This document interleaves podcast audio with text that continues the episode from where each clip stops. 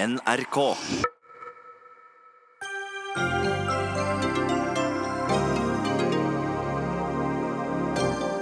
215 sider fullskrevne med offentlig utredning om søndagsåpne butikker ført i pennen av 14 utvalgsmedlemmer som jobbet halvannet år for 3,3 millioner, kan kastes rett i søpla, for Stortinget var egentlig ikke interessert i hva de kom fram til. Det måtte bli bråk når Gaygalla kårer Siv Jensen til årets homobestevenninne, men hvor lenge skal man egentlig sone for tidligere politiske standpunkter? Uten tiltak hadde de norske klimagassutslippene vært mye høyere, skryter regjeringen. Vel, uten biler eller den industrielle revolusjon hadde vel utslippene vært enda mindre?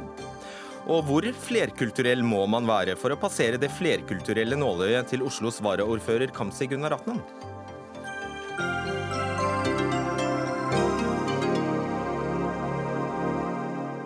Ny uke, nye muligheter for debatt i Dagsnytt 18. Jeg heter Fredrik Solvang. Ja, nylig ble en utredning på over 200 sider om endringer av eh, reglene for søndagshandel lagt fram. Men stortingsflertallet har nå stoppet alle regjeringens planer om liberalisering. Og denne saken har blitt diskutert fram og tilbake så mange ganger at den nå har gått over i poesisjangeren. Geir Jørgen Bekkevold, familie- og kulturkomiteen på Stortinget for KrF. Få høre hvordan du valgte å uttrykke deg om denne saken eh, i går, på den hellige hviledagen. Ja, men la meg presisere at dette er ikke mine ord. Dette er dikt som uh, min partileder og jeg har delt på sosiale medier. Det var så vakkert at du valgte å dele Ja, Som er skrevet av eh, Øystein Hauge. Det lyder slik. Ja til søndagsåpne bøker, fjelltopper, dobbeltsenger, telt, badeplasser, skiløyper, hav, hoppbakker, kinoer, turstier, Kunstutstillinger, bilvinduer, bedehus, veksthus, gitarkasser, aldersheimer, stalldører, syltetøykrukker, svømmehaller, turisthytter, kronblad, hjerter. Ja til søndagsåpne mennesker, ikke butikker. Ah. Det er vakkert. Du syns det? Ja, jeg synes det var veldig Hvorfor er det så vakkert? Nei, for jeg tror at eh, det diktet egentlig setter ord på eh, det som de aller fleste av oss ønsker at søndagen skal være. En dag der helt andre ting enn eh, kommersielle krefter skal få lov til å eh, bety noe. eh, Og hvor helt andre ting skal få lov til å være åpne enn enn kjøpesenter og butikker. Jeg tror det er en fin måte å sette ord på akkurat det. Bedehus og stalldører er greit. Kårstein eh, Eidem Løvaas, du er medlem av næringskomiteen på Stortinget for Høyre. Hva syns du om diktet? Nei, Det er en grunn til at jeg alltid hoppet over oppgaven om diktanalyse på videregående skole. Jeg syns det er vanskelig, men hvis jeg nå skulle forsøke meg på det, så vil jeg si at hvis vi skal holde oss til kulturbegrepet Dette minner litt om Schuberts ufullendte symfoni, for diktet glemmer å ta med seg de over 100 kommunene som faktisk har søndagsåpnet. Alle butikkene som er under 100 kvadratmeter som er søndagsåpnet. Alle bensinstasjoner som er opptil 150 kvadratmeter som er søndagsåpne. Hagesentre, campingplasser, de ulovlig åpne småbutikkene rundt omkring i de store byene. Netthandelen Ja, jeg kunne holdt på ganske lenge. Så debattere søndagsåpent eller ikke er egentlig en litt skivebom, for det er jo søndagsåpent i Norge. Det vi ønsker er jo ikke å liberalisere, vi ønsker å harmonisere. Blir det ikke et fullt så vakkert uh, dikt, kanskje? Uh, Nei, som sagt, jeg eh, holdt meg unna diktanalysen uh, i stilskrivingen. Men eh, jeg tror at eh, folk eh, flest forstår at det er søndagsåpne butikker i dag, og ser at det er en forskjellsbehandling. Du kan ta to turistdistrikt som Hallingdal og eh, Valdres, eh, hvor det i Hallingdal er søndagsåpent i alle kommuner, mens i Valdres er åpent bare i halvparten av kommunene. Det viser hvor tilfeldig dette slår ut. Og det er akkurat like mange hytter i disse to distriktene, bare som et helt konkret eksempel. Og du mener vel ikke, Bekkevold, at dagens lov er perfekt? Nei, Jeg tror ingen eh, av oss eh, vil påstå at vi har verdens eh, mest rettferdige eh, åpnings- og lukkelov. Eh, Og det eh, vedtaket som ble gjort på Stortinget til onsdag, eh, stopper jo ikke regjeringen i å komme til Stortinget med justeringer som gjør at eh, eh, gjør at den kan eh, oppleves mer rettferdig. Jeg vet at det utvalget som eh, har utredet dette, peker jo bl.a. på hagesentrene som et eksempel på hvor, eh, hvor eh, man kanskje bør stramme noe inn. Bare og, og, og Kårstein Løvaas peker også på det, det med turistkommuner. I dag er det nesten sånn at enhver kommune kan kalle seg turistkommune. Også der bør man gjøre noen justeringer. Akkurat. Så hva, hva gikk vedtaket ut på? Det gikk ut på at vi ba regjeringen om å ikke komme til Stortinget med en, eh, en eh, lov som gikk i liberal retning. Altså det vi sier, kom gjerne til Stortinget, men kom med noe som gjør at ikke flere er nødt til å jobbe på søndager. Mhm. Makta rår. Løvaas? Ja, Så enkelt er det. eh, Makt har år, eh, og jeg syns det er eh, helt i orden at Stortinget sier fra hva Stortinget mener. Det skulle bare mangle. Men utfordringen her er jo at KrF, som normalt er opptatt av utredninger og kunnskap før beslutningene, de velger å kortslutte en prosess som man normalt gjennomfører. Altså Man har, som du var inne på i innledningen din, en kostbar og omfattende utredning. Mange mennesker har jobbet mye. Så sendes den ut på høring, og i stedet for å avvente resultatet av det, så ønsker man å innkassere en, en liten, men for KrF symbolsk viktig seier, eh, hvor man skal på en måte sette ben for hele den demokratiske prosessen. Og jeg er med på, og jeg er glad for at Bekkevold også har lest rapporten og ser at det foreslår faktisk ganske mange innstramminger i den eh, rapporten som utvalget har kommet frem til. Bl.a. ved å eh, skrenke inn volumet for, eller arealet for hagesenteret. Bl.a. ved å harmonisere hva som kan være en turistkommune og ikke. Og Hvorfor KrF skal være så mot det, det forstår jeg ikke. Du får svare kort på det. Ja, jeg har nettopp sagt at. Den type innskrenkninger er ikke KrF imot. Vi, vi ser også at her kan det være rom for justeringer. Men samtidig så her må man huske litt på historien. Det er ikke lenge siden vi diskuterte det på Stortinget tidligere. Eh, Og Da var også KrF veldig tydelig på at vi ønsker å ha søndagen som en Ja, det er ingen dag. som har mistenkt dere for noe Nei, jeg tror ikke det. Og, og når denne da utregningen kommer, så, så er det ikke snakk om å kortslutte en prosess, men det er å gi noen signaler om hva regjeringen ikke trenger å kaste bort veldig mye tid og arbeid på. Men, men nå var det, litt- vent, vent litt eh, et øyeblikk, fordi det skal bli to mot én her, nemlig. Kristin Clemet, daglig leder i eh, Civita. Eh, Du skrev i Aftenposten i går at opposisjonen i sin motstand mot søndagsåpne butikker bryter et viktig prinsipp i norsk eh, lovgivning. Hvilket prinsipp da? Nei, altså Det jeg er litt opptatt av, som har skjedd ikke bare i denne saken, men i det siste, når det er mulig å danne flertall mot regjeringen, så har man i en del eh, saker eh, rett og slett avbrutt det som er den norske modellen for å fatte beslutninger, og som vi har ganske gode erfaringer med. Nemlig at vi er veldig nøye med å utrede konsekvenser av saker. og At vi ofte setter ned eh, offentlige utvalg, det kan være ekspertutredning eller partssammensatte utvalg, som kommer med anbefaling. Og det, det var jo tilfellet her, altså at det er et utvalg som har vært i arbeid, og som i praksis har lagt til grunn at det ikke er noe flertall i Stortinget for en full liberalisering. Så man kan si at dette er en ganske sånn særnorsk debatt, for alle våre naboland har liberalisert fullt ut. Men det dette utvalget drøfter, er jo da en eh, form for å gjøre det mer rettferdig. Så de foreslår både noen liberaliserende tiltak og noen innstrammende tiltak. Men men, dette, men så kan man si, som jeg sier, at det er en liten forskjell her på representanten fra KrF og eh, andre som stemte for dette forslaget i Stortinget. For en av de som har vært eh, talspersonene for det vedtaket man fattet om ikke liberalisere mer, nemlig Senterpartiet, de har jo sagt at nå kunne bare regjeringen droppe høringsprosessen også. Det var ikke noe vits i å bruke krefter på det. Og det mener jeg er å er å unnlate å ta en veldig viktig måte å fatte beslutninger på i Norge lite alvorlig. Ikke bra. Eh, hvorfor, altså, eh, hvorfor er det betenkelig å eh, Hvilke konsekvenser får det å utrede eh, status quo? For det er jo egentlig det de gjør. Altså, Hvis man ikke foretar seg noe, så får det vel ingen konsekvens?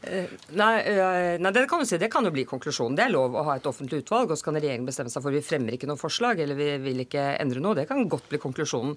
Men tradisjonen i Norge, når man ber eh, 14 mennesker sette seg ned i halvannet år og bruke noen millioner kroner for i detalj å utrede hvordan man kan gjøre dette systemet mer rettferdig, og så sender det på høring, og så få høre fra opposisjonen i Stortinget at det kan bare avbrytes, det mener jeg er lite, lite respektfullt. Mye penger, 3,3 millioner kroner rett ut av vinduet. Hvordan kan du forsvare det? I tillegg til de timeverkene, i tillegg til de, alt det arbeidet som er lagt ned. Jo, men For det første så har KrF vært veldig tydelig, eh, og vi har et tydelig standpunkt når det gjelder eh, søndagen som en annerledes dag. Dette er ikke et utvalg som Stortinget har bedt regjeringen om å nedsette. Dette er et utvalg som regjeringen tok og satte ned på eget initiativ. Eh, Allerede når de gjorde det, så burde de jo da ha sjekket opp. Eh, Er det, er det flertall for eh, noen endringer her sånn? Det, det har man ikke gjort. Vi har vært med på et forslag nå som bare gjentar det som vi har ment hele tiden. Eh, Men så sier vi samtidig at eh, regjeringen må gjerne fortsette å utrede og komme til Stortinget. Og det er jo sånn at eh, På Stortinget så kan ethvert parti, enhver representant, få lov til å fremme de forslag man ønsker. Og regjeringen kan også komme til Stortinget med hva de ønsker. Men det er alltid lurt å sjekke ut hvor ligger flertallet hen. Jeg er helt enig i det, men jeg tror at noe av grunnen til at vi fatter så stort sett da, fatter så gode beslutninger i Norge, har et så solid demokrati, det er at vi utreder saker skikkelig, og at vi bruker disse offentlige utvalgene. Og nå får man si at det som er, er fremmet forslag om her. da. For Det høres ut som det er uh, veldig store forslag, men det er det jo ikke. Man har, sier det at det er antagelig lurere å regulere dette med arealbestemmelser fremfor vareslag. For nå er det sånn at det er masse varer du kan kjøpe med planter og dagligvarehandler som kan fylle opp, men du kan ikke ha åpent en bokhandel. Så det de sier, er at vi regulerer det med areal. Dvs. si at alle får være butikk for være maks 150 kvadratmeter. Det er jo kjempelogisk.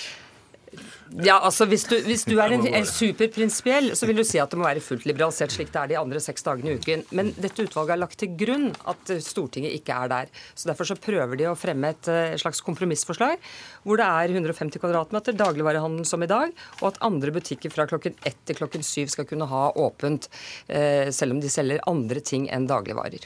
Karstein Løvaas, eh, det er jo, man kan jo like gjerne snu på det og se, se på denne utredningen og dette utvalget som bare bare kanskje siste, mm, siste, forsøk i en lang rekke på å få gjennom noe det ikke er politisk flertall for. Da kan dere nedsette et utvalg, og så kommer de til den konklusjonen dere ønsker. Smart. Ja, men eh, de kom ikke nødvendigvis til den konklusjonen som alle regjeringspartiene ønsker. For det er nok eh, mange i regjeringspartiene som ønsker en mye sterkere liberalisering enn det som dette utvalget foreslår. Her er det jo, som vi har vært inne på flere ganger, faktisk ganske mange innstramninger. Både på areal og på hvordan man skal eh, definere turistområder. Det vi er enige om, og du, du lo litt av kvadratmeter, og det har vi gjort siden 1990 1997. Siden Brustadbua kom, så har jo dette vært en eh, gjenstand for, for god satire og god komikk eh, i det ganske land. Men det som KrF og alle, og jeg tror de fleste er enige om, at vi trenger annerledes dager. Men jeg er litt i tvil om vi skal bestemme hvilken dag det er. Også med respekt å melde som forbruker. Det er søndagsåpent i Norge. Altså, det er jo ikke noe problem å handle på søndager. Det som er problemet, er at Plantasjen får lov å selge grill og verktøy, mens Maxbo som ligger ved siden av, får ikke lov å selge det samme. Men, men det, bare si at hvis man liberaliserer reglene, så er jo ikke det et påbud om å holde åpent. Og jeg vil si jeg har vært såpass mye i Sverige og Danmark at jeg opplever i høy grad helgene lørdag og søndag som annerledesdager i de landene også, selv om de har, hatt, har, har full frihet til å ha butikkene åpne. Handelsstanden hevder at det vil oppstå et press ja, om å holde åpent. Altså, verken LO eller NHO eller Virke ønsker dette, men Oi. forbrukerne kunne jo kanskje tenkes å, å, selv få kunne velge eh, når de går på tur, når de går i butikken, eh, når de jobber. Ja, det, har jo, det, har okay. vært, Nei, det, det, har jo, det har jo vært flere undersøkelser som viser at det er ikke heller ikke flertall i befolkningen for å liberalisere eller ha mer søndagsåpne. Og til dette med kvadratmeter. Jeg vet hva utvalget har foreslått, eh, men hvis man er opptatt av å harmonisere og rettferdiggjøre loven, så kan det nok hende at på de store kjøpesentrene, for det er bare et spørsmål om tid før man klarer liksom å holde stand mot det. Det bestemmer du, eh, politiker. Om, om, eh, om, eh, om, det ikke allikevel blir oppfattet ganske urettferdig at det er bare de med 150 kvadrat som får lov til å ha åpent. Men dette med flertallet i folket er interessant, fordi det er uansett kø på de søndagsåpne butikkene. Men altså, jeg har lyst til å være litt mer prinsipiell. Vi har lover i Norge for å beskytte innbyggerne våre. Og er det sånn, Bekkevold, at man trenger å beskyttes mot en åpen butikkdør? Jeg tror at eh, det er ganske naivt å tro at eh, ikke dette også eh, får konsekvenser. Altså at ikke individet også preges av, av det som har med, med ukerytmer å gjøre. Jeg tror det er viktig at vi beskytter eh, søndagen som annerledesdag, nettopp for å gi eh, folk en mulighet til å kunne gjøre helt andre ting. Og hvorfor fremmer det å åpne opp for dette, Kårstein Løvaas, det, det, som dere ønsker å åpne opp for, det er at enda flere mammaer og pappaer er nødt til å jobbe på en dag der de heller har lyst til å være sammen med barn og familie. Men Skjønner, Jeg stjeler spørsmålet til, eh, til, eh, ja, det jeg mistenker Løve skal spørre, spørre deg om. Hvorfor ikke da et absolutt forbud? Eh, det, det, den åpningstiden som vi har i dag, det er egentlig en, et resultat av et politisk kompromiss eh, som vi har levd ganske godt med. Ja, det er uprinsipielt. Det er veldig uprinsipielt. Jeg tror det er mange ting vi vil kanskje påstå er ganske uprinsipielt, men det er dette vi har blitt enige om. Som vi lever godt med. Som vi lever godt med, og det tror jeg faktisk både ansatte og, og, og de som driver butikkene er enige med meg i. Og så har vi sagt, som sagt, at det er mulig å komme med justeringer som gjør at det kan oppleves litt mer rettferdig. Du skrev i eh, Aftenposten eh, Kristin Clemet, noen politikere vet visst best hva man bør gjøre på en søndag. Hva gjør du på søndager? I går så var jeg i butikken, jeg var på tur og jeg jobbet litt. Jeg greide alt i løpet av en søndag. Så jeg, og Man ser også dette med, som alle fremhever, at vi skal ut i naturen osv., som er veldig viktig. Det gjør folk like mye på lørdager som eh, når butikkene er åpne. Og det gjør det selvfølgelig også på hverdager. Så det er et mer mangfoldig liv der ute enn at vi behøver å gjøre det samme alle sammen. Og siden du sier Bekkevold, at du ser alle paradoksene og du ser hullene, så regner jeg med det kommer et eh, Dokument 8-forslag eller noe lignende fra deg? for å tette dette? Jeg regner, altså Nå vil jeg vente og se hva regjeringen kommer med. Det ligger et Dokument 8-forslag i komiteen jeg sitter i allerede fra Arbeiderpartiet, men det er et helt annet forslag. for at det, De ønsker bare at man skal opprettholde loven slik den er i dag. Det er et annet forslag enn det som ble vedtatt på Stortinget. Men nå venter jeg i spenning på hva regjeringen har lyst til å komme med etter at jeg er ferdig med å jobbe med de utredningene som er gjort, og så tar vi stilling til det men, der. da. Men det er jo mer positive toner da enn fra Arbeiderpartiet og Senterpartiet, min oppfatning, for man er villig til å gjøre forandring. Men det der at man ikke kan liberalisere noe hvis man skjerper inn på noe annet, da tror jeg det blir veldig vanskelig å gjøre endringer. Hvis man skal harmonisere. hele poenget med det er at vi ønsker ikke å legge til rette for at enda flere er nødt til å bruke søndagen som en arbeidsdag. Eh, Vi ønsker okay, å beskytte denne dagen Ja. eh, for flest mulig. Heldigvis, det er mandag. Takk skal dere ha. Kristin Clemet Kortstein eh, Løvaas og Geir Jørgen Bekkevold. Dagsnytt 18 alle hverdager klokka 18.00 på NRK P2 og NRK2.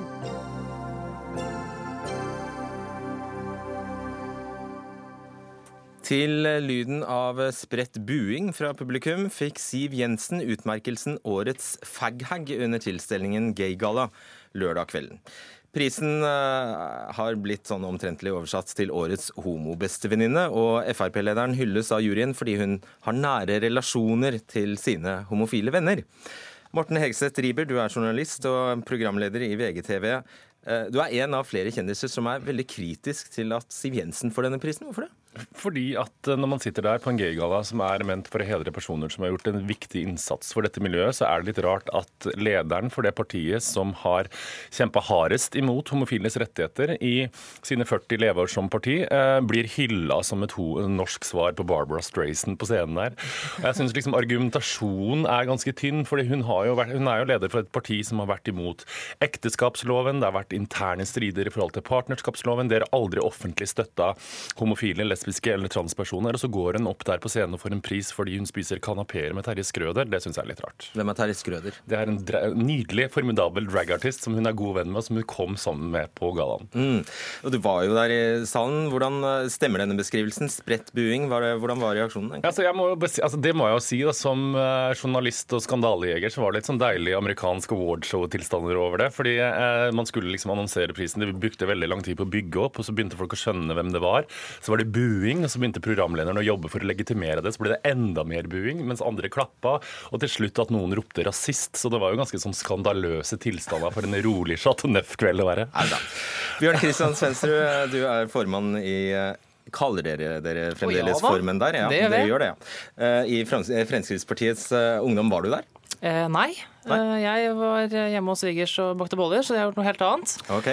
Du kaller, eh, kaller kritikken fra Hegse Triber og andre kjendiser som historieløs intoleranse. Det må du forklare.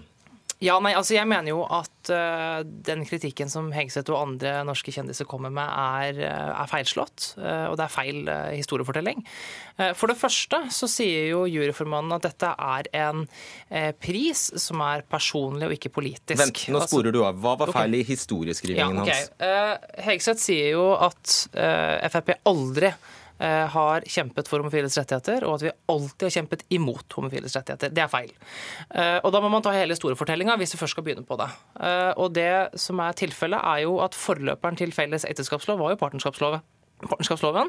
Eh, og da delte jo Frp sin gruppe seg i to. eh, og Jan Erik Faane, som da var stortingsrepresentant for Frp, var medforslagsstiller på eh, partnerskapsloven. Vi snakker 1993? 1993, sånt? han ble vedtatt Mhm. i 1993. Eh, og uten halvparten av Frp sine stemmer, så hadde ikke den loven blitt vedtatt. Det er altså forløperen. Og så er jeg enig i at Fremskrittspartiet ikke var offensive frem mot felles ekteskapslov. Jeg mener at det var en feiltagelse av partiet å stemme imot felles ekteskapslov. ja. Ja, jeg- Stemte aktivt imot. Ja, men jeg mener at det var en feiltagelse. Og det har ikke jeg noe behov for å på en måte bestride, eller fordi jeg mener at det er tilfellet. Det var jo så Men ja, jeg må jo fullføre, for dette er en historiefortelling, så da må man ta hele historien. Og så kom jo tiden hvor vi da kom inn i regjering i 2013, hvor vi da blir dømt nord og ned for hvordan dette skal gå for homofiles rettigheter. Og hva er det som skjer? Jo, med Solveig Horne, homominister eh, i 2013 frem til 2017, eh, så ble altså Norge eh, verdens nest beste land for homofile å leve i. Eh, Vi på, fikk på plass en handlingsplan. Ikke på grunn av Det er vel ikke akkurat noen kausaleffekt det eh, som, mellom det som de, Jo, det er det faktisk. Så Solveig Horne stor- gjorde det bra del- å være homo i Norge? Ja, En stor del av begrunnelsen var handlingsplanen som ble fremlagt av regjeringen, i tillegg til de endringene vi gjorde for transpersoners rettigheter i Norge. Og Det mener jeg kanskje noe av det aller viktigste. De endringene vi gjorde for transpersoner, redder liv. Faktisk så har han helt rett i dette her når det gjelder partnerskapsloven i 93. Det har du helt rett i, men du overdriver når du sier at det var pga. Frp at partnerskapsloven kom igjennom. For det var interne uenigheter i Frp om dette var en god lov å håndtere. Og som du påpeker, at det var noen som var positive, og dermed førte det til et flertall. Så Og det er jo bra. Det er vel veldig bra, men Ja. som parti sto dere ikke bak, partnerskapsloven. Det. Og når du nå sier at Solveig Horne er grunnen til at homofile har det så ekstremt bra i Norge, så tror jeg du overdriver litt. For vi skal også huske på at Solveig Horne er homoministeren som for en, ikke så veldig mange år siden gikk på Twitter og så mente at det var skandaløst at enkelte barnehager leste homoeventyr for barna. Men la meg gjøre det helt klart at det er veldig altså det er, men det hvis du skal fullføre som- historiefortellingen din, så skal jeg fullføre historiefortellingen min. Dette, det er og det, jeg tror du kanskje overdramatiserer litt når du tror at det er Solveig Horne som er grunnen til at homofile i Norge har det bra. Jeg Karita. Bekkemellem, Jens. Stoltenberg som gjennomførte ekteskapsloven i 2009, det er nok en reell effekt for at homofile har det bedre i Norge er i dag. Men at en en minister fra Frp er grunnen til at vi har det så bra, det tror jeg ikke noe på. Du, Ok, det- eh, Ta det er- Svar kort på det, og så skal vi Ja, altså det er Hegseth som overdramatiserer her, og ikke jeg. Jeg sa ikke at eh, Frp eller Horne er grunnen til at flere, altså at det er bra å være homo i Norge. Det er flere som gikk foran oss, eh, og som vi skal være begge Jeg to. spurte deg om så det var en kausaleffekt, og du sa ja. Ja, og det er det jo. Fordi hvis du ser på begrunnelsen til hvorfor vi ble det nest beste landet for homofile å leve i, så er begrunnelsen så handlingsplanen Ok, til greit. regjeringen og endringene for transpersoners rettigheter. Greit, Riber, du, dette er ikke en politisk pris, det er en sosial pris. Og når man leser begrunnelsen, så handler den bare om at hun er en god venn.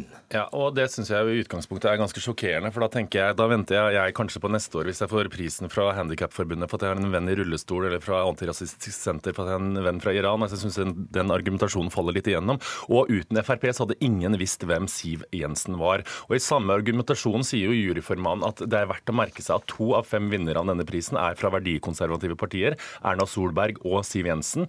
Og i neste avsnitt så sier han at dette er en sosial og personlig pris, ikke en politisk pris. Og i det Siv Jensen går på scenen og snakker om Frp, og at de nå har blitt så mye mer liberale i homopolitikken sin, så blir prisen politisk og ikke privat. Og for meg så er det ikke homokamp igjen å spise kanapeer med Terje Skrøder. Det er å ha Ingen gode verdier, kjempe for Ja. ekteskapsloven og gjøre det helt klart og tydelig at vår kjærlighet er like mye verdt som heterofiles Yes. eh, kjærlighet.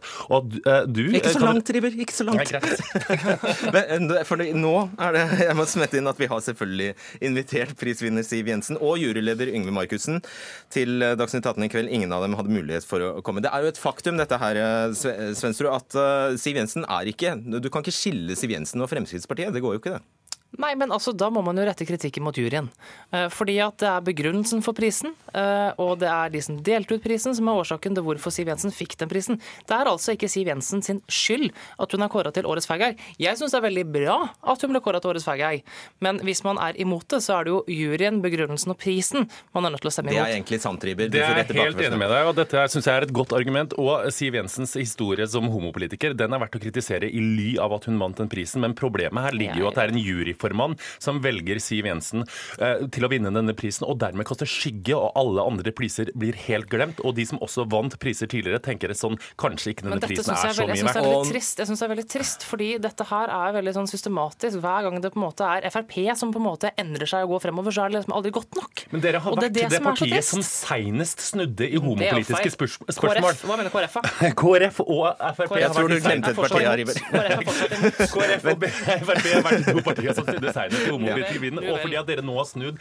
i 2018 Tolv. Ja, 2012, det er ikke verdt min hyllest, ass. Det skulle søren meg bare mangle. Okay, Nå skal jeg si at uh, i og med at juryen eh, blir i tema her, så har uh, både um, Anette Trettebergstuen og Bård Nylund, begge to med mm, medlemskap i Arbeiderpartiet, som satt i juryen, og som ga Siv Jensen prisen, u- uttrykt i dag skepsis og til at hun fikk den, og at de i forkant av G-gallaen var ukomfortable med prisvinneren. Så har vi sagt det. Eh, Svensrud, du etterlyser eh, raushet. Eh, hvordan skulle den manifestere seg? Altså, jeg syns dette er veldig lite raust. Eh, fordi eh, jeg vil jo tro at homobevegelsen har en fordel av at flest mulig mennesker er for eh, like rettigheter for heterofile, homofile, bifile og transpersoner. Selv om du kom fram til den konklusjonen i går? Ja, Okay. aldri for sent. Og jeg mener at det er veldig bra ja, at folk eh, tør å endre standpunkt. Det er det samme som at eh, Carl I. Hagen var jo også ute og sa unnskyld til alle homofile fordi at han ikke stemte for partnerskapsloven eh, den gangen det var, og de meningene han hadde.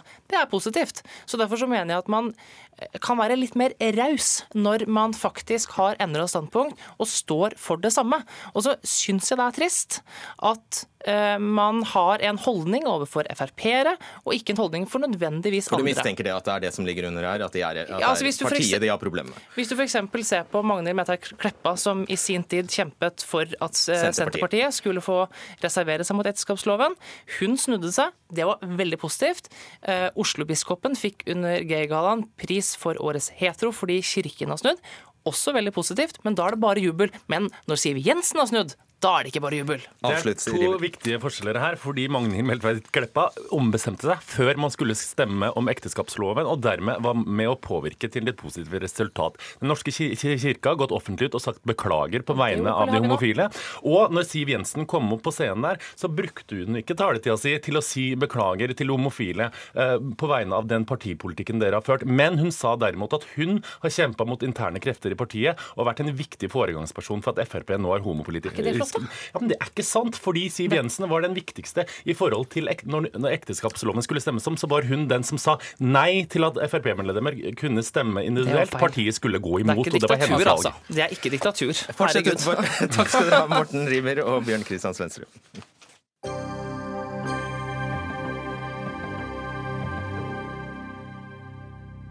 Hvis ikke Norge hadde tatt de grepene vi har tatt, hadde klimagassutslippene våre vært 40% høyere i 2020 enn de ellers blir. Det fortalte Dagsrevyen i går, og intervjuet klimaministeren, som trakk fram kvotesystemet og CO2-avgiftene som tiltak som har hjulpet på regnskapet. Det kunne altså vært så mye verre, Espen Stoknes, stortingsrepresentant for eh, Nei, eh, er du det? Jo. Ja, beklager. Stortingsrepresentant for De Grønne. det er bra. Stortingsrepresentant for Miljøpartiet De Grønne. Da var det jo ganske selvfortjent Nei, da var det jo ganske velfortjent selvskryt fra regjeringen i går, da.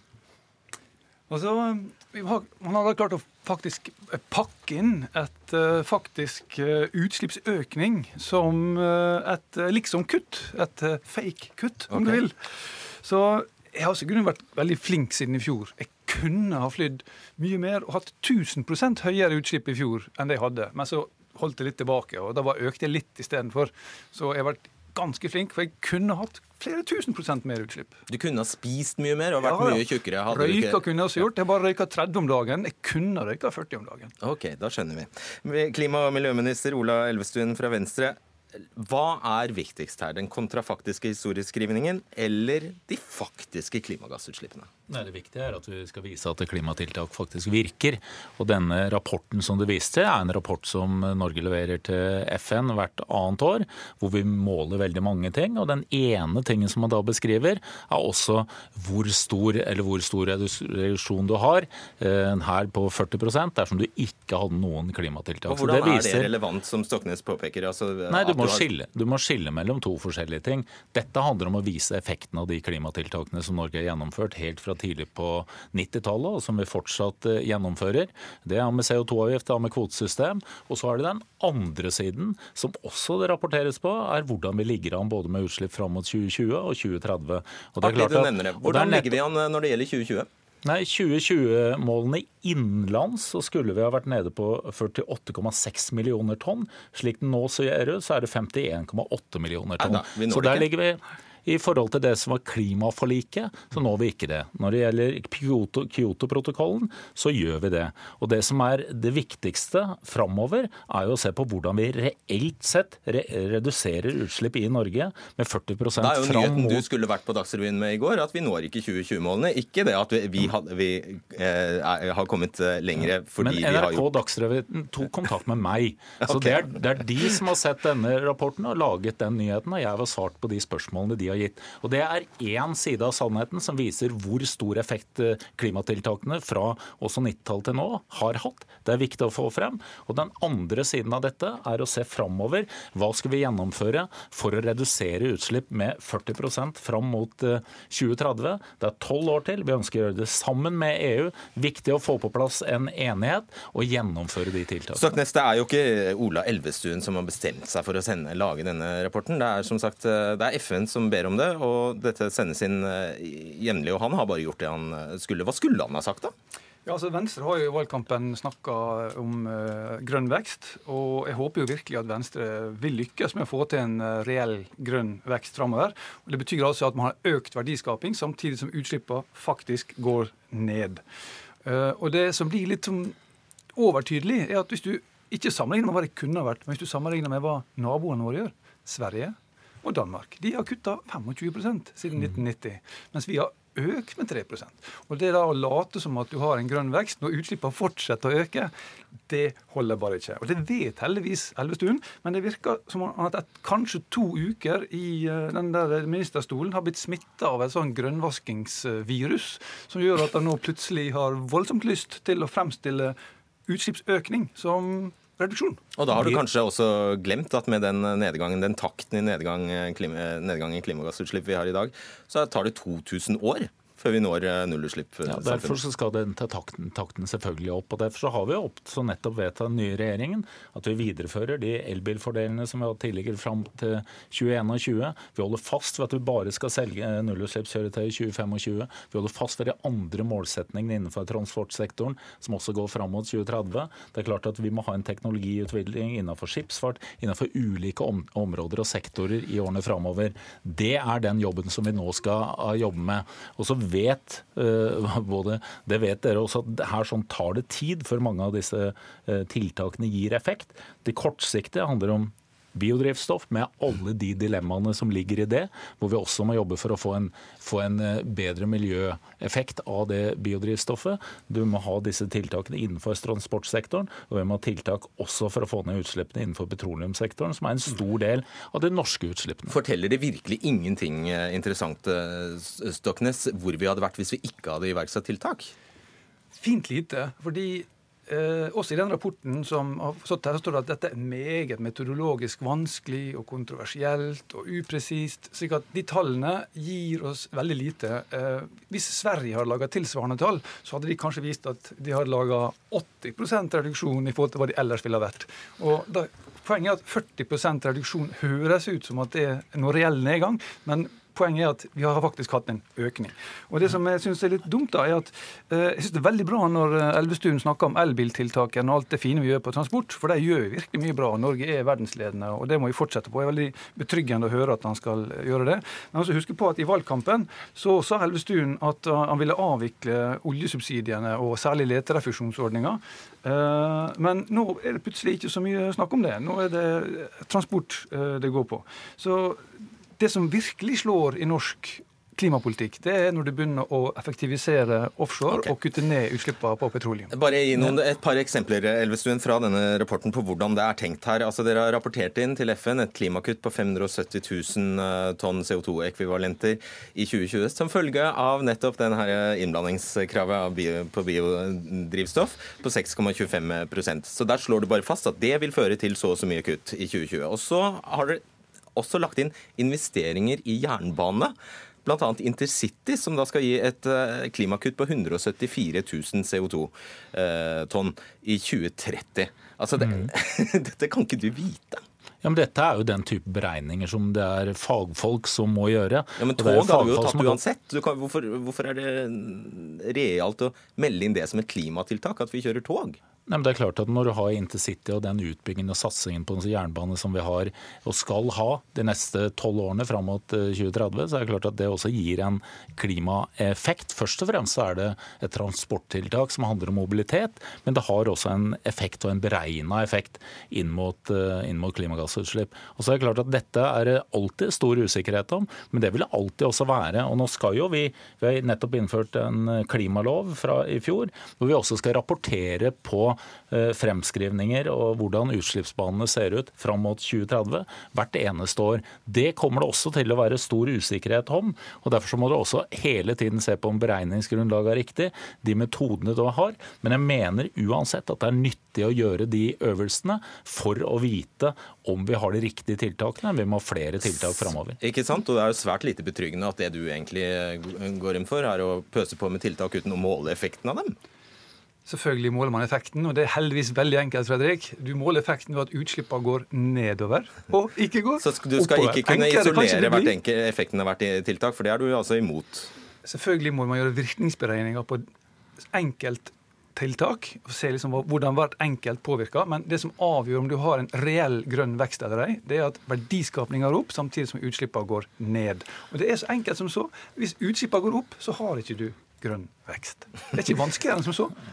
Elvesund, ifølge denne rapporten skal Norge nå 2020-målene ved å kjøpe klimakvoter tilsvarende 10 millioner tonn CO2 fram til 2020. Eh, Vil det si at du kan garantere at det slippes ut 10 millioner tonn CO2 mindre i atmosfæren i 2020?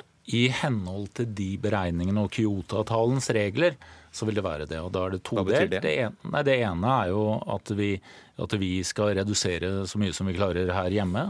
Og så handler det også om å bruke beregninger innenfor kvotesystemet i EU. Der sånn er det jo et tak, men det er også kjøp av CDM eller det som er da eh, kvoter også altså i utlandet. Utenfor, altså utenfor, utenfor EU, som er gode tiltak i seg selv, men hvor du ikke kan ha den samme beregningen på at dette reelt sett er utslippskutt, bortsett fra de garantiene som FN gir. Det høres veldig komplisert ut, men det er egentlig veldig enkelt. Norge bør kutte ca. en million tonn CO2 hvert år fra nå og til 2030. Minst. Det er ikke verre enn det som det. Og hvis Elvestuen kunne jeg tror, jeg tror faktisk det er verre, for jeg vil høre hvordan mener du da at vi skal gjøre det hvis vi ikke skal øke innblandingen av biodrivstoff? Vi gjør så raskt som mulig, jobber vi nå. Ja, men du klarer ikke å innføre elbil raskere enn det vi gjør. Du har ingen skatter- og avgiftssystemer på det, og dette går så teknologisk raskt. Vi ligger langt foran. Vi skal gjøre, vi får på plass 50 elferger i løpet av 21-22 og, og vi drar også opp det som er biodrivstoff, som er nødvendig å få på plass. 2012, hvis du ble lagt ut 100 forskjellige tiltak vi er, nå i 2018, vi er nå i 2018, og det er fram til 2020. Så det er bare å innføre de tiltakene som er ferdig utredet, som ligger i skuffen og venter på å bli brukt. Nei, ja, fortell hvilke som ligger i skuffen og som gir effekt de neste to årene, som vi ikke gjør. Som sagt så er det 50-70 tiltak som da er utredet av Miljødirektoratet, okay. og som de kan bruke ja, når de måtte ønske. Vi, vi ligger helt i front på det som er utslippsreduksjonen innenfor transportsektoren, og det skal vi gjøre. Nei, utslippene går også ned, men de går, må gå ned mye raskere i åra framover, og det skal vi klare. Vi fortsetter en annen gang. Ola Elvestuen, Per eh, Espen Stokneseth.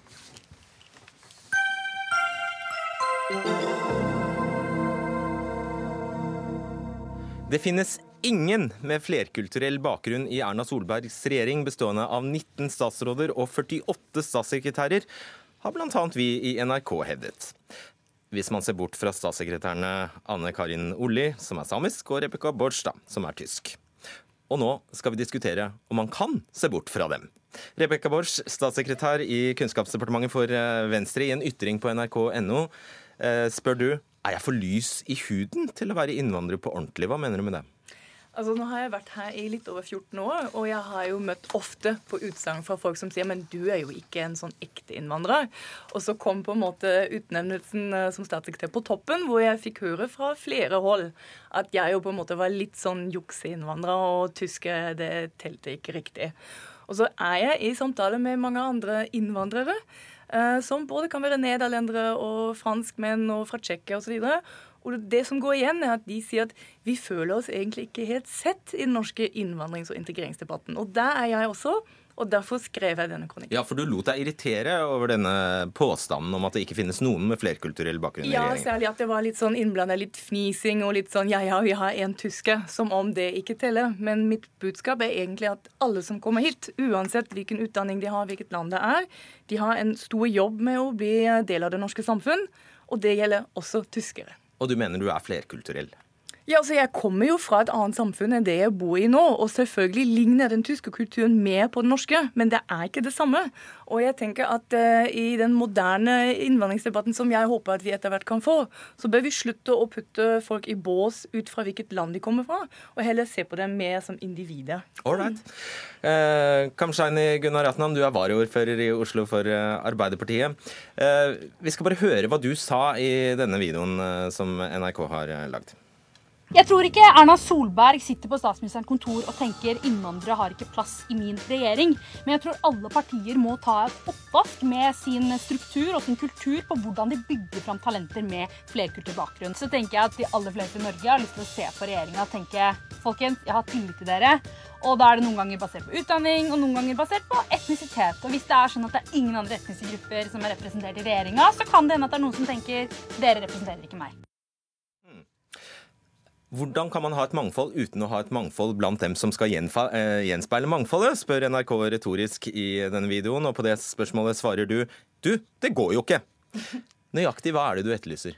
Altså Det jeg etterlyser, er at, eh, er at bare for å fortsette videre fra Rebekka Ingen bestrider kronikken. Kronikken du har skrevet i dag, den er kjempefin, og, og ingen burde bli forskjellsbehandlet på denne måten. Men samtidig, um, denne debatten handler om mer enn bare oss. Det handler om hva slags demokrati vi ønsker å skape i Norge. Og poenget er at jeg ønsker ikke å sitte og telle antall etniske grupper representert i regjeringa. Selvfølgelig er det ingen som ønsker det.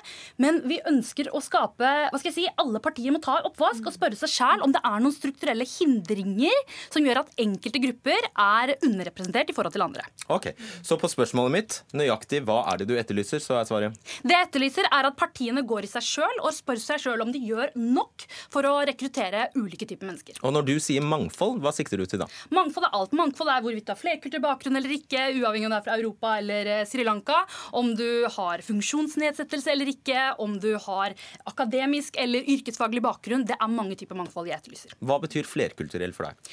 Flerkulturell, altså Jeg mener at folk skal få lov til å definere seg sjøl. Eh, jeg mener jeg er flerkulturell. Jeg er født i et annet land. Eh, land. Jeg kom til Norge som treåring og vokste opp her. Eh, mens andre vil føle at de er norske, selv om de kanskje kom hit i alder av ti, fordi det er en slik oppvekst som har bidratt til at de identifiserer seg på den måten. Er Rebekka Borch flerkulturell? Det definerer hun selv. Ok. Eh, Rebekka Borch, tysk kultur ligger veldig nært norsk. Eh, og zoomer du ut og ser på verden, så er den jo praktisk talt eh, lik, vil mange hevde.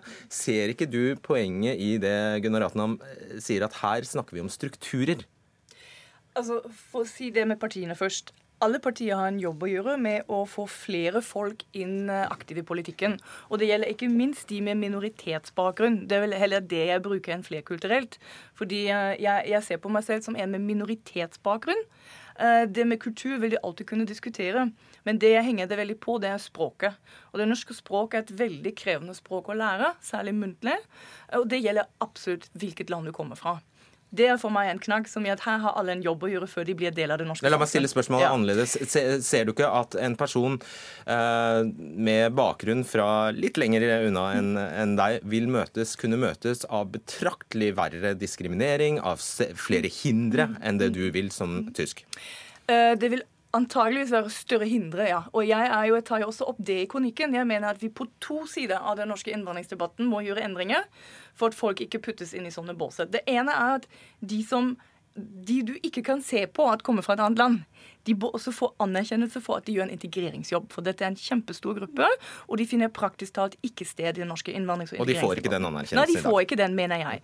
I den andre enden må vi slutte å se på folk Eh, på, sånn, utsiden ja, hvilken hudfarge har du? Å ja, da er du innvandrer.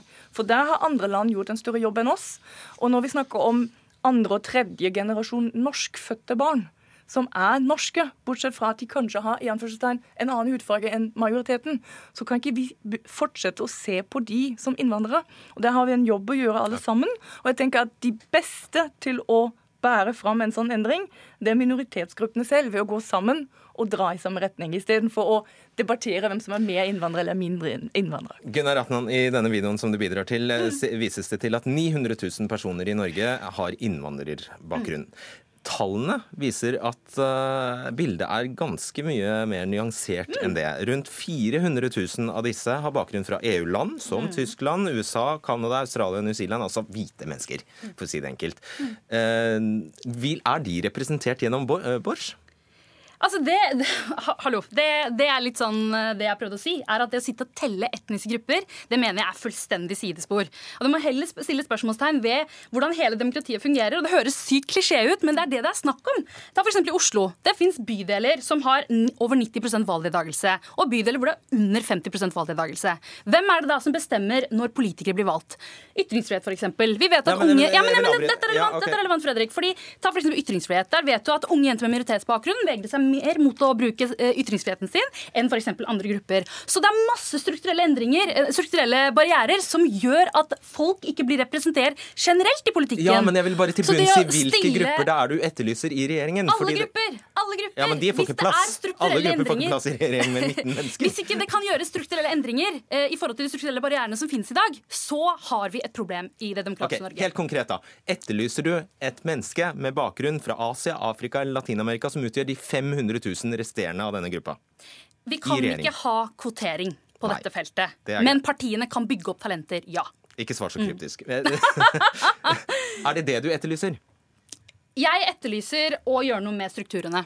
Jeg er imot kvotering, så det får du ikke ut av meg. Gjør noe med strukturene mot mm. kvotering, ok? La ja. tolke det som Hva, Hvordan tolker du det? Ja, altså, øh, Nå kan ikke jeg snakke på vegne av alle innvandrerne, men jeg har nok fått en god del tilbakemeldinger på at folk mener at jeg på en måte representerer noen av dem som har kommet hit, som ikke er født og oppvokst i Norge, og som likevel har klart å komme meg opp og framover. Så på mange måter er jeg, representerer jeg også en endring. Nemlig det går an å være en arbeidsinnvandrer til Norge og bli delaktig i politikken. Så jeg mener enhver, uansett bakgrunn, som kommer utenfra og blir delaktig i Norge, er bra å ha med i politikken. Hvis, hvis, altså, det er jo også litt opp til innvandrerne selv. da. Jeg vil jo også oppfordre flere av dem som har kommet hit, om å bli aktive i politikken. Det er jo ikke bare noe majoritetsbefolkningen kan sørge for med å dra dem inn, lokke dem inn, kvotere dem inn. Innvandrere selv må ta litt ansvar og bli aktive i, i både samfunnsdebatten og i politikken. Det kan du svare på. Ja, altså, det er jo helt riktig at, eh, at Rebekka er representert. Det er kjempebra. Det bidrar også til mangfold. Eh, men vi må ha mer mangfold også.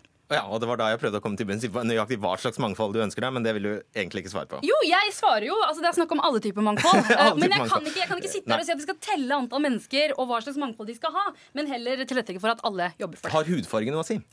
Nei. Nei. Eh, Rebekka Borch, altså, man skulle kunne forvente at en regjering, et kollegium på Hvor mange blir det? Altså 19 pluss 48, det er mange. Eh, 67 eller noe sånt. At de faktisk gjenspeilte befolkningen så noenlunde, all den tid staten faktisk i sine stillingsannonser. Den samme regjeringen har pålagt staten å skrive staten er opptatt av mangfold, og vi oppfordrer derfor alle kvalifiserte kandidater til å søke uansett alder, kjønn, funksjonshemming, nasjonal eller etnisk bakgrunn. Altså jeg tenker, jeg, Nå har jeg bare tatt en kort sjekk på en par andre regjeringer i Europa. Det er ikke sånn flust med mangfold.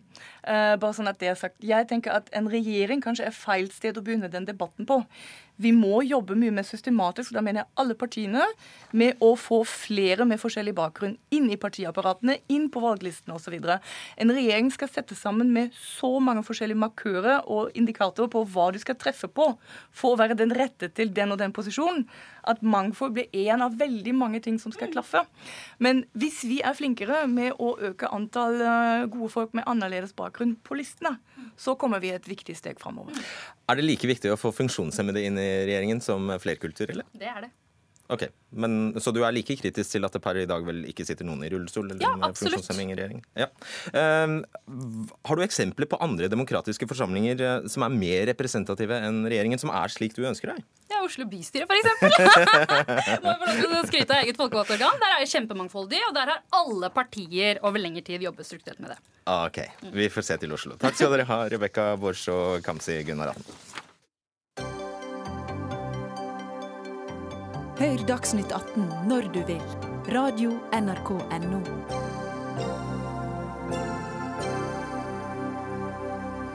Eh, januar, altså en lørdag, trykket Bergens Tidende en reportasje om eh, lege Geir Flatabø, som bl.a. behandler autismepasienter med et kosthold uten korn og melk. I 2016 fikk han begrenset sin autorisasjon fra Helsetilsynet pga. sine alternative metoder. Han har f.eks. skrevet ut en nesespray som vanligvis gis til kvinner med ammeproblemer, til en jentunge med atferdsproblemer. Og han mener Alzheimer-pasienter burde få kokosolje på blå resept. Olaug Nilsen er forfatter og har et barn med autisme, og skriver i en kronikk i BT at avisen trykket en kontaktannonse og en reklameplakat fordekt som reportasje, og hun savner kritiske spørsmål til Flatabø. Du får utdype dette, Olaug Nilsen. Du er forfatter og mor til et barn med autisme. Ja. Um Grunnen til at vi kalte det en eh, kontaktannonse og en reklameplakat, det er at uh, det her er jo typer behandlinger som er kontroversielle, som Geir Flatabø har tilbudt, og som han som du sier har blitt fratatt legelisensen for. Uh, folk som er i krise, enten det er pårørende eller alvorlig syke, suger til seg den typen informasjon og eh, vil da sannsynligvis ta kontakt. Det er grunnen til at jeg kalte det en kontaktannonse og en eh, reklameplakat. Og så er det klart at det er en spissformulering, og, eh, og, hovedinnvendingen mot reportasjen er at det blir stilt for få kritiske spørsmål til Flatabø hvilke spørsmål kunne du tenkt deg?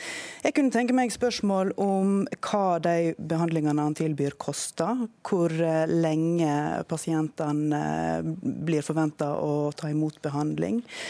Jeg kunne tenke meg å spørre flere spørsmål om hva slags typer behandling som blir foreskrevet, og hvor mange ulike behandlingstyper som blir prøvd. Mm. Og jeg kunne tenke meg eh, spørsmål om hva pasientene får vite om behandlingen, hva slags eh, sjanser de blir presentert for, og, eh, og hva Og så vil jeg kunne tenke meg å vite hva bedring blir definert som, og hva eh, Flatabø forklarer, eller hvordan Flatabø forklarer forklarer det eh, når eh, pasienter ikke opplever bedring av, eh, av ja, behandlingen. Hadde blitt et betraktelig lengre intervju.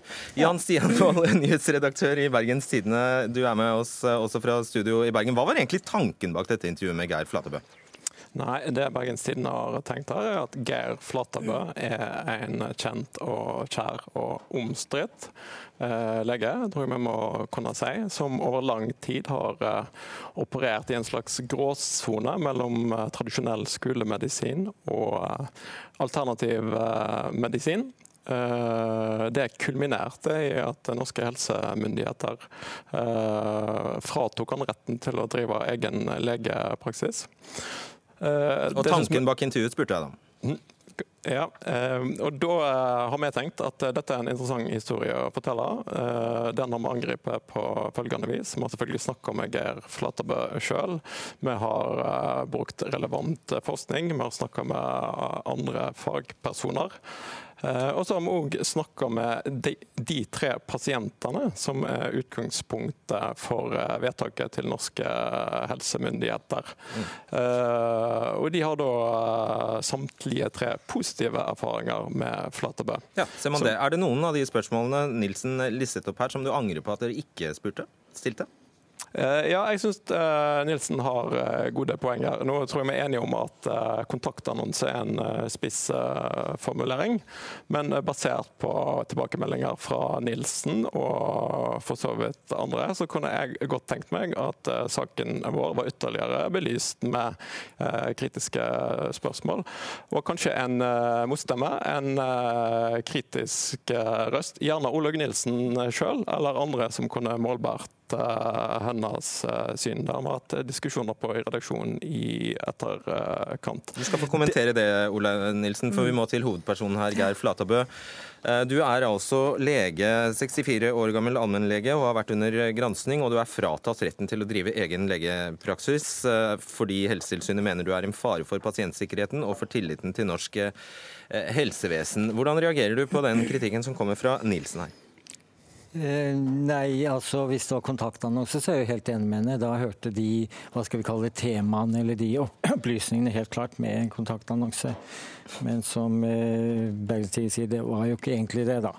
Og det er klart, Hvis det var en kontaktannonse, så skulle vel jeg ha krevd litt mer eh, hva skal vi si, detaljer på mine kjepphester. Eh, her var det Bergens Tidende som styrte det, så da ble det som det ble. Har du fått noen henvendelser etter dette intervjuet? Jeg har fått noen, ikke. Jeg er ikke blitt helt nedringt, men, men eh, så, sånn sett så fungerte det også dårlig som kontaktannonse, fordi det har ikke blitt all verden ut av det. Forklar i korthet hvilke behandlingsmetoder, eh, og du skjønner hvilke jeg sikter til, som er eh, omstridte mot autisme du forskriver.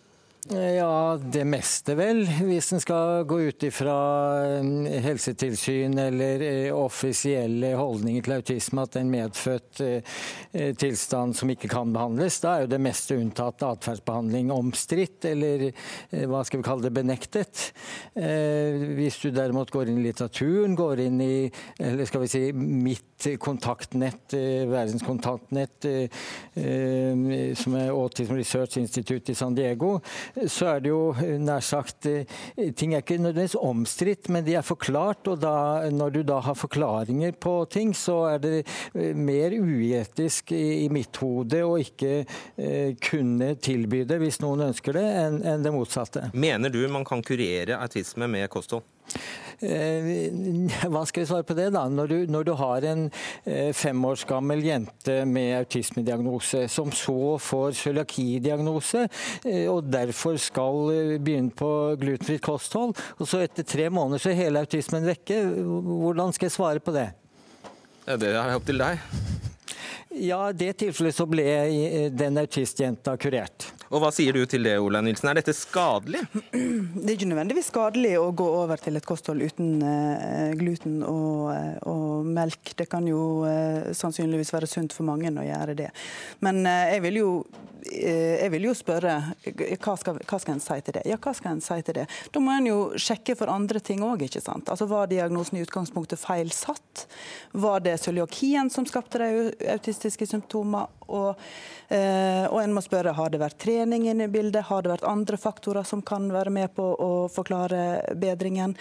Og uansett, altså, altså Det å tilby den type, altså det å tilby den eh, forklaringen med ett eksempel på den måten, det er jo ikke godt nok for at hvem som helst skal gå inn i diett eh, for å kurere da, sine barn med autisme. Hvor godt dokumentert er dette, Flatebø? Jeg har lagt fram et papir her til deltakerne her. Godt og godt. Altså, dette her med dokumentasjon er jo et problemområde da, hvor noen vil hevde at nei, det er ikke godt nok. Og var det meg sjøl, og jeg hadde, ville ha lest at det var 1% sjanse for at mitt autistiske barn ble frisk med diett, så ville jeg ha prøvd det. Kanskje var jeg heldig og var den, eh, hadde den ene som ble kurert. Eh, den litteraturen jeg leser så snakker man om to tredeler av de som prøver gluten- og melkefritt eh. De blir litt eller vesentlig bedre, en tredjedel blir ikke bedre. Eh, denne papiret som jeg har lagt fram her, viser i en bitte liten studie at 90% av de med eh, autismediagnose blir bedre på denne dietten. Men, men, autisme altså Vi må jo gå inn og se hva er autisme, da? Hva er det egentlig? Det er jo tillagt psykiatrien og psykiatere, mens i mitt hode så er det jo immunologi. Det er infeksjoner, det er toksikologi, det er masse arv i det. Og det er liksom også hovedhypotesen, uten at man eh, forfølger de sporene. Jan Nilsen? Ja, altså Jeg kan jo ikke protestere på at de undersøkelsene som han viser til, viser det de viser. Men, eh, men, det er jo gjort andre undersøkelser som viser det motsatte. Det er jo gjort to undersøkelser som BT viste til i sin reportasje, og takk for det, som viser at eh, de to gruppene som testa nettopp gluten- og melkefritt kosthold, så viste den ene gruppa ingen bedring, og den andre gruppa en litt bedring.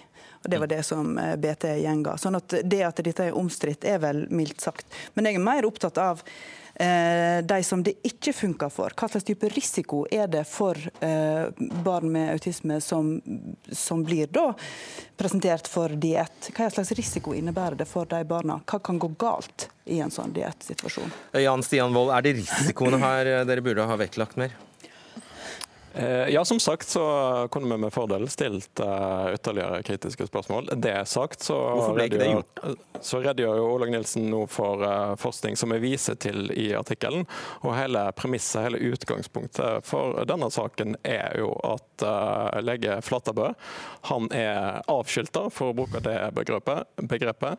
Det problematiserer vi ikke i saken. Dette er ikke en, si, et forsøk på en, en frikjennelse av Flatterbø. Nybø. Vi prøver å gå inn i hans uh, historie uh, og fortelle den fra ulike uh, ståsteder. Hvis vi hadde hatt tid, så skulle jeg ha stilt spørsmål om igjen hvorfor ble det ikke gjort, men det har vi ikke.